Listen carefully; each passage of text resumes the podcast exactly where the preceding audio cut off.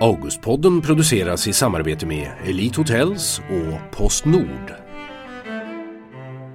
Du lyssnar på Augustpodden med mig Tara Moshisi och i det här avsnittet så snackar jag med Augustpristagaren Lina Wolf.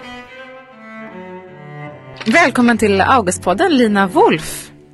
Tack så mycket. Det roliga är så här att det känns som att du sitter här i studion tillsammans med, med mig men det gör du inte. Jag är med, med dig via Facetime. Jag sitter i Stockholm medan du är hemma i Hörby i Skåne.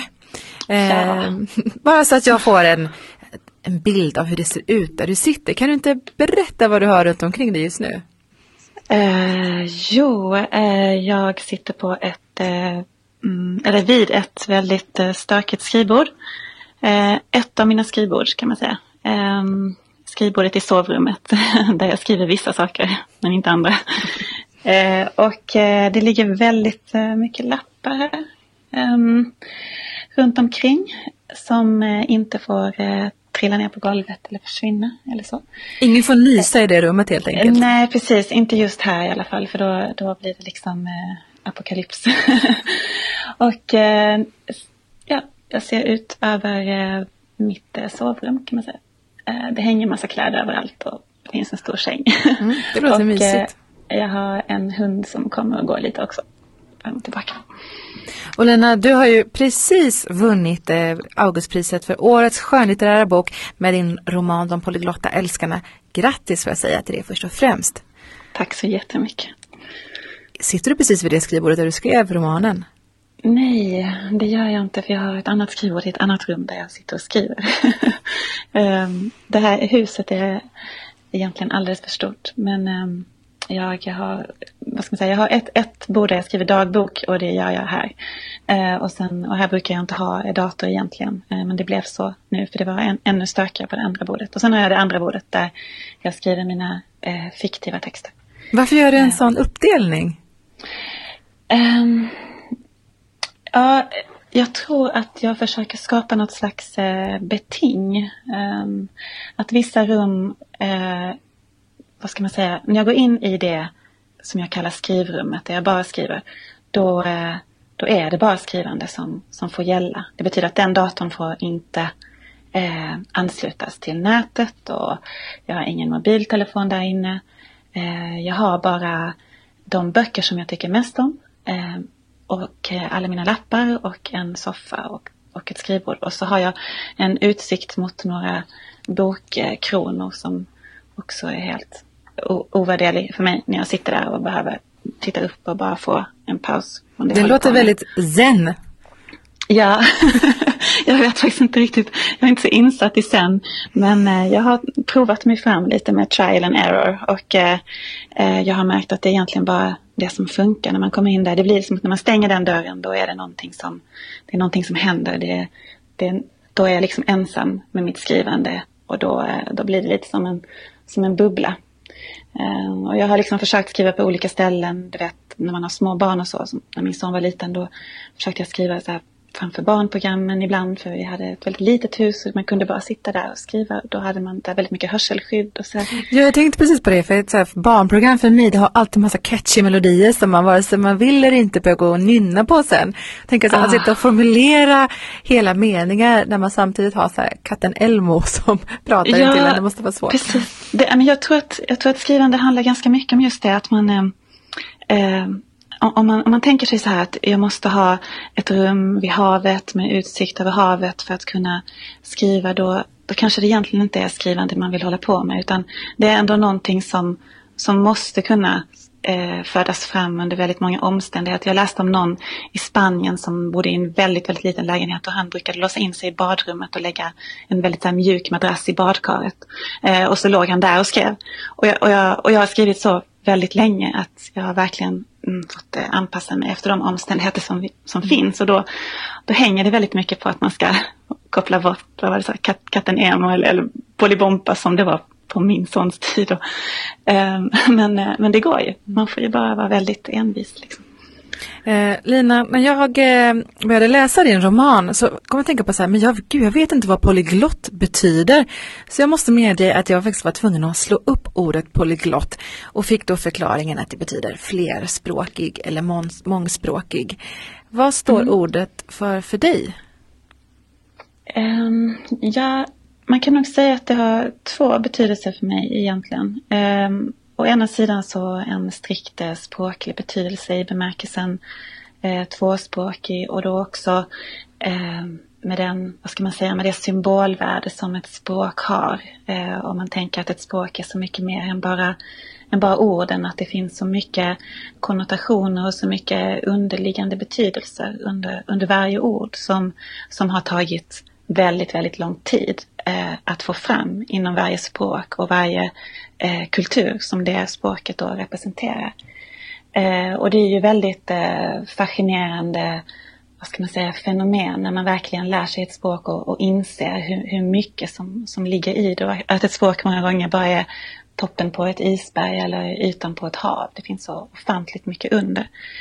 Ehm, och sen finns det också ett begrepp som är polyglott inom eh, litteraturvetenskapen där man pratar om ett, eh, ett, ett polyglott skrivande som ett sätt att hantera olika röster i en text och att ge olika diskurser olika röster. Och det finns en, en rysk litteraturteoretiker som heter Michail Bachtin som jobbar väldigt mycket med det här fenomenet polyglossia som, eh, som jag har varit, varit väldigt fascinerad av under väldigt många år. Så att, eh, det är väl kanske min lite mer säga, intima, djupare relation till, till ordet. Men, men jag tycker ändå att ordet står sig väldigt bra, bara som, alltså även utan den mer litteraturvetenskapliga konnotationen, utan bara som, som eh, mångspråk. Jag tror också att det är ett aktuellt ord för att jag tror vi går mot en tid där vi, där vi, liksom, där vi måste vara liksom förlita oss på en slags eh, polyglotthet eller polyglossia eller vad man ska säga. För att vi kommer att ha, vi kommer att ha eh, miljöer där man pendlar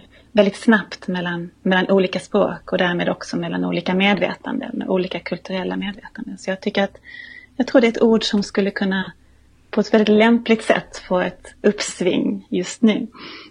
Det kanske kommer få det i och med ditt Augustpris också. Men varför kände du att ordet var rätt eh, för att ha i titeln på din roman? För det första så blir det ju så eh, flagrant, liksom, det, blir så, det blir så tydligt när det står i en titel. Och sen tyckte jag att det gifte sig väldigt bra också med, med älskar, som är ett väldigt eh, enkelt och lekfullt och lustfyllt ord. Liksom.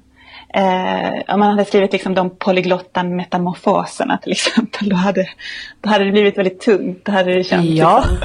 liksom, ogenomträngligt som begrepp. Men de polyglotta älskarna, då finns det ändå någonting som eh, för den som kanske ryggar för ordet polyglotta så finns det ändå älskare. Och älskare är ändå ett väldigt intressant ord, men på ett helt annat sätt.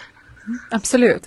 Och i din bok så är det ju flera berättelser i en kan man säga. Du har liksom vävt ihop dem till en romanväv. Men vad skulle du säga att de här berättelserna har gemensamt? Ja, först och främst så har de ju manuskriptet gemensamt. De har en, vad ska man säga, en väldigt konkret eh, gemensam nämnare. Eh, sen tror jag också att karaktärerna har eh, också de gemensamma nämnare, även om de kanske verkar väldigt olika på ytan. Men alla är på något sätt sökande eh, och alla är också ganska så ensamma. Eh, men de är också på något vis de är inte helt desillusionerade. De har ändå någon slags optimism om att eh, de kommer att hitta någonting om de bara kämpar på eh, och liksom fortsätter i sina respektive utmarker. De, de, eh, de, eh, de går liksom inte i terapi och gör saker som man ska men de, de försöker på sitt sätt att, eh, att hitta det där, liksom, den där förståelsen som de ändå drömmer om, den där närheten med en annan människa. Så att, jag tror de har ganska mycket gemensamt men de, de är ändå väldigt olika på ytan. Och de är lite vilsna får man ändå lov att säga. Eh, Vad var det som gjorde att du ville utforska just dessa teman?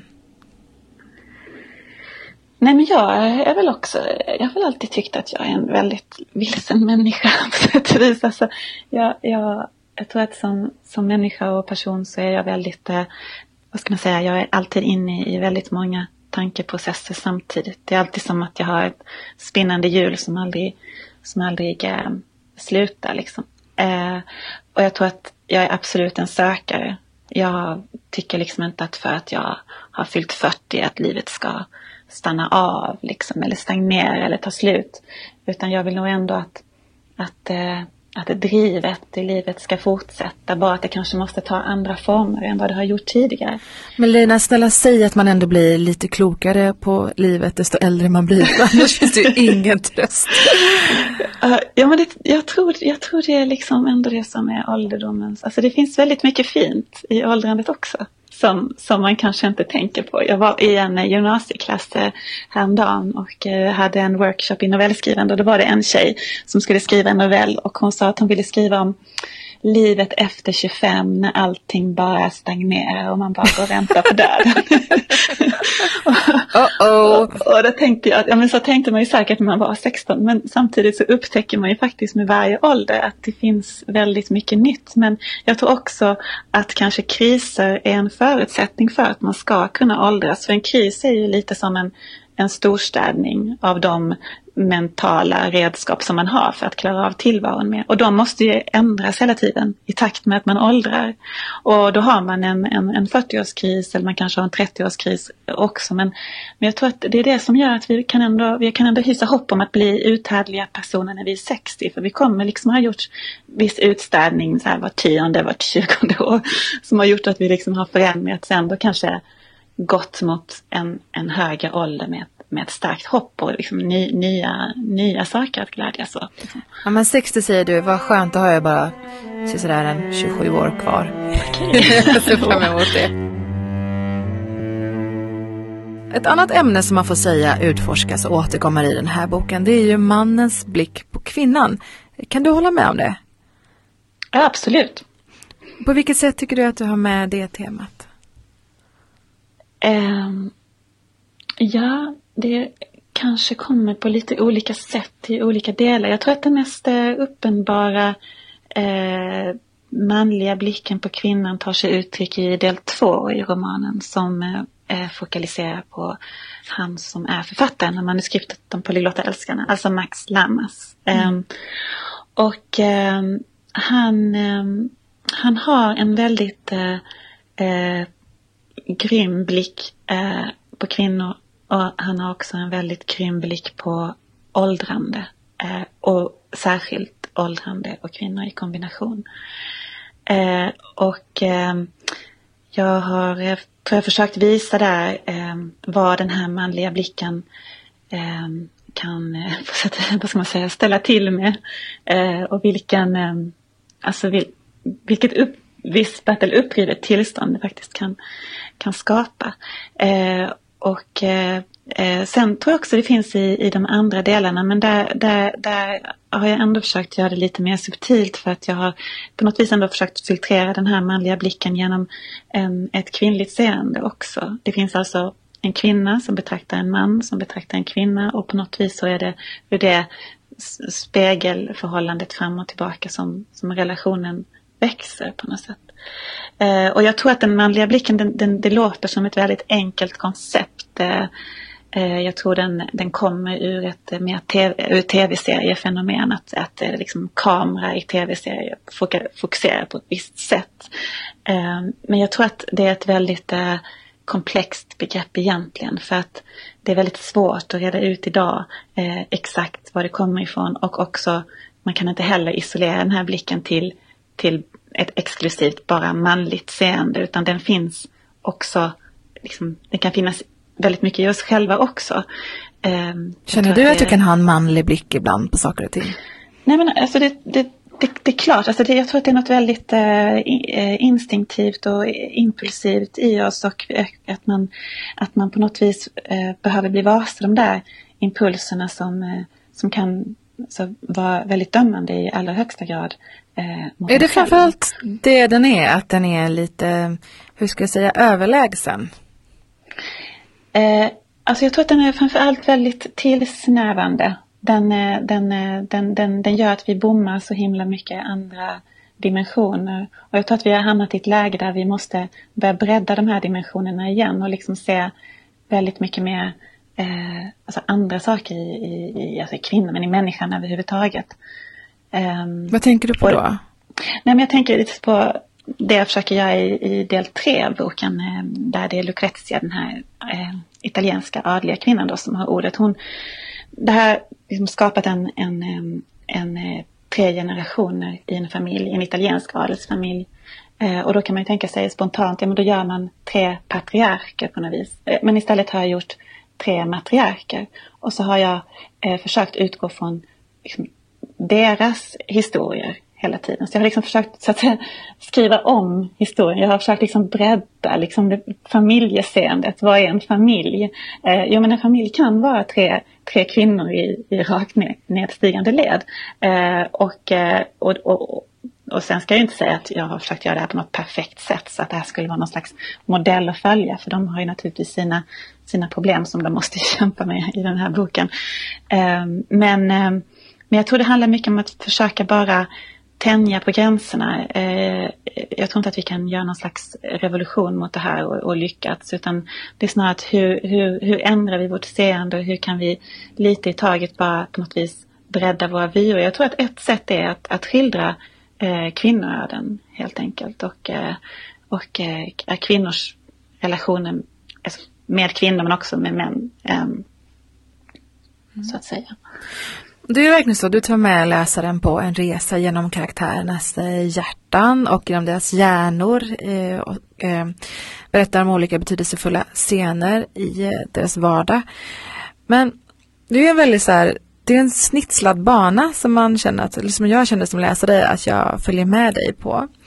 Men mm. hade du handlingen helt färdig i huvudet när du började med boken eller har den liksom utstakat sig under tidens gång? Eh, jag tror man kan säga att det har varit en lång och smärtsam process. det, det, det är absolut ingen handling som jag hade eh, tydligt framför mig när jag började skriva. Eh, jag började skriva en novell eh, om Elinor, fast hon hade ett annat namn i den novellen. Eh, och, eh, Elinor sen, är ju den första karaktären man får möta ja, i romanen. Precis, i första delen. Eh, den skånska kvinnan som åker upp till Stockholm för en dejt med en kritiker. Ehm, och eh, då hade jag avslutat den delen med att eh, hon lämnade Callistos hus, kritikerns hus, efter att hon hade bränt upp Max Lammas manuskript. Ehm, och eh, hon gick ut och eh, smällde igen dörren och jag tror jag hade skrivit någonting som att där trodde jag att Callisto skulle Just det, så var det. Jag trodde Callisto skulle knuffa ut mig och stänga dörren, men det gjorde inte Callisto. Och där slutade novellen. Ehm, och sen efter ett tag så, så började jag känna att det kanske var det var väldigt mycket som jag inte hade fått med i den där novellen. Till exempel vad, eh, vad handlade manuskriptet om som man hade bränt upp? Och vad hade eh, vad ska man säga, vad, vad var liksom Callistos djupare koppling till det här manuskriptet och vad var författarens koppling till det han hade skrivit om. Ibland om man går tillbaka och, och lusläser det man har skrivit så kan man se att det finns alltid massa frågor som, som inte är besvarade. Och då har man liksom makten som författare bestämma vilka av de här frågorna man ska jobba vidare med och på vilket sätt man ska eh, fördjupa det. Eh, och då tänkte jag det här att jag skulle kunna skriva om eh, eh, om själva manuset. Och det var då jag började skriva Lucretias del eh, som manuset handlar om då, som Max har skrivit om. Och sen när jag förstod att jag hade skrivit historien om ett manuskripts förstörelse och ett manuskripts innehåll så förstod jag att den biten som saknades i allt detta det var ju då eh, om eh, manuskriptets tillblivelse. Varför hade författaren skrivit det här?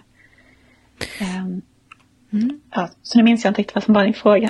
jag hoppas att det var ja, men om du hade handlingen färdig i huvudet redan från början. Det, det. Ja. Men det tycker jag att jag fick ett bra svar på. Och, uh, apropå Elinor och det här att hon förstör manuset. Jag tänker precis i början, i första delen av boken så är det ju Alltså man får ändå frossa i de värsta dödssynderna. Eh, det handlar om mm. svartsjuka, hämndlystenhet, det handlar om skam. Vad var det som gjorde att du ville börja med ett djupdyk i det svartaste? Ja, um, först, alltså, man, vad ska jag säga, det, det kanske inte var någon direkt eh, eh, tanke bakom det just när jag började. Men det är klart att sen när man ska sammanfoga de olika delarna, då tänker man ju eh, varför låter man det börja med, med del två kronologiskt och sen gå vidare i, i en annan kronologisk del. Den är ju omkastad kronologiskt och det hade jag ju kunnat välja att istället göra den som en kronologisk berättelse. Men krono kronologi är ju aldrig kul. Nej, nej, det tycker inte jag heller. Jag tycker det är mycket roligare när man redan läser någonting, att man vet saker som... Eh, det är lite som man ser Sagan om ringen och sen Bilbo. Då, då är det väldigt roligt när man, när man eh, får... Eh, när man, när man, redan vet väldigt mycket om det som kommer att hända och det som har hänt. Eh, och Pulp Fiction fungerar ju på samma sätt. Jag tänkte ganska mycket på Pulp Fictions kronologi när jag eh, bestämde mig för kronologin i polyglotterna. Och det finns om man, om man börjar googla kronologi och struktur i Pulp Fiction så kan man få upp så fantastiska scheman på nätet över hur den fungerar. Den är väldigt intressant att, att, att studera. Och, eh, jag kan säga, jag såg inte den komma. Jag trodde inte att du hade inspirerats av Pulp Fiction till den här boken. Vad spännande. ja, jo det finns nog mycket man kan studera i den filmen faktiskt. Eh, och, eh, ja, men, men jag tänker väl också så här att eh, Ehm, i den typ av bok jag ville skriva så vill jag på något vis också eh, jag ska inte säga chockera läsaren från, från, från första sidan, men jag ville försätta läsaren i någon slags ändå mm, öppet tillstånd. Eh, att man, man skapar ju alltid ett kontrakt med läsaren när man skriver. Om man är väldigt snäv i det kontraktet i början, då är det också väldigt svårt att ta ut svängarna sen. Om man, om man låter en hel del, Ehm, om man låter läsaren vara med om en hel del i början, då vet man också att, ehm, att ehm, det är svårare för läsaren att dra sig ur kontraktet längre fram. Så att, eh, och sen, och sen är det också att, att karaktärerna har ju sitt, sitt sätt att hantera det här mörkret eh, och eh, Elinor ger ju, både Elinor och Callisto, de, de, de har ju en alltså ganska så destruktiva sidor båda två. Och eh, den, jag hade nog inte kunnat sätta ihop dem utan att det skulle bli ett, eh, ett väldigt mörkt och dramatiskt och lustfyllt och, och, och begärdrivet eh, eh avsnitt. Liksom. Mm, det finns ju verkligen alla delar med det redan från början. Eh, du nämnde Pulp Fiction tidigare. Jag har ju också läst att du är väldigt förtjust i att kolla på tv-serier. Vad ja. ser du på just nu? Och nu har jag en sån där horrorvaku. Jag, jag är mellan två tv-serier. Jag har precis eh, jag har precis sett färdigt en och den har jag redan glömt så det kan inte ha varit. Alltså, jo, nej men, det var, nej men den var jättebra. Det var The Crown. The Crown. Ja, den har jag också ja, sett. Helt fantastisk. Ja, jag tyckte den var verkligen fantastisk. Vä väldigt subtil men, men eh, det är ju ett helt annat sätt. Det har jag tänkt när jag sett den serien att den är så, den är så olik mitt sätt att skriva.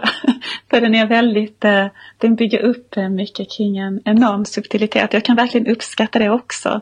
Eh, både i litteratur och tv-serier när man, när man skapar den här enorma spänningen kring, kring väldigt små åtbörder som, som de lyckas göra i den serien. Det är en berättelse men... som handlar om nuvarande drottning Elizabeth och när hon kröntes till drottning. Ska vi säga. Tips från Lina och från Tara. det, Men hur mycket ja. inspiration hämtar du ifrån eh, just tv-serier? Nej, men om vi ska ta en tv-serie som de flesta har sett som jag har hämtat ganska mycket ur så är det No Game of Thrones. Eh, den, eh, jag tycker den är väldigt intressant rent dramaturgiskt hur man har byggt upp eh, förväntningar. Det leker väldigt mycket med det som vi kallar den dramatiska kurvan och den, de förväntningar man som läsare eller, eller då tv-tittare har på eh, hur ett visst skeende ska utvecklas.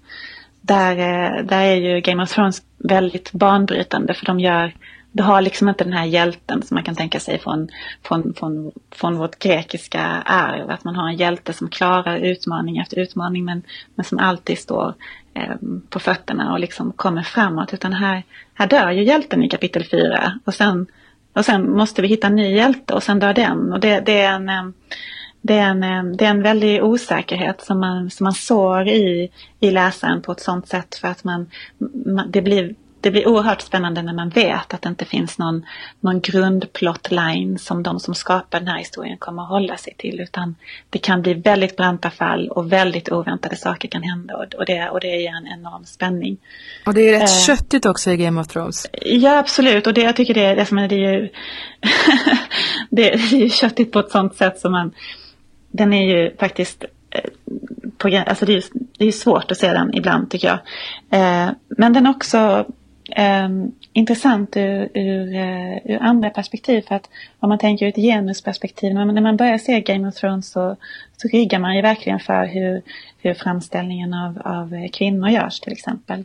Um, och sen eh, Sen, sen, jag tycker att det är en, det är en serie som, som ändå får en att, eh, att, att börja tänka på hur, hur hur olika personer framställs och hur pass eh, inkluderande och, eller icke-inkluderande en serie kan vara. Så att, jag menar, allt jag har att säga om Game of Thrones är absolut inte positivt men jag tycker den är väldigt intressant. Den, den väcker tankar eh, om hur man ska se tv-serier och vilka frågor man kan ställa sig under tiden. Och det tror jag har, har mycket gemensamt med om hur man läser en bok. Mm. Och många kommer ju definitivt läsa din bok nu, De polyglotta älskarna, som alltså fick Augustpriset för årets skönlitterära bok. Och Lina, det här innebär ju också att du inte bara är en eh, stor, tung, brun statyett med föreställningens August Strindberg rikare, utan också hundra papp rikare.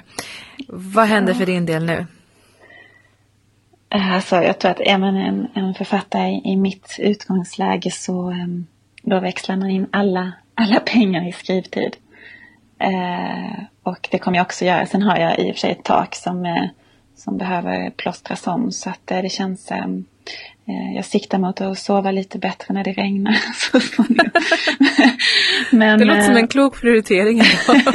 absolut. Men, nej, men det, blir, det blir huvudsaken, skrivtid för mig. Och det, det känns oerhört viktigt. För det, det är en, jag tror det är en sån enormt stor grej i, i en skrivande människas liv. Att få ihop de här bitarna som gör att man faktiskt ska få lugn och ro och sitta med texten. För det är liksom ändå kärnan i allt man gör. Eh, så att eh, det känns som att, eh, att jag har liksom jag har säkrat det nu för ett tag fram i alla fall. Ja, men mer skrivtid och ett tak som inte läcker. Det tycker jag låter som en underbar plan Lina. Tack så hemskt mycket för att du var med i Augustpodden. Tack själv. Tack.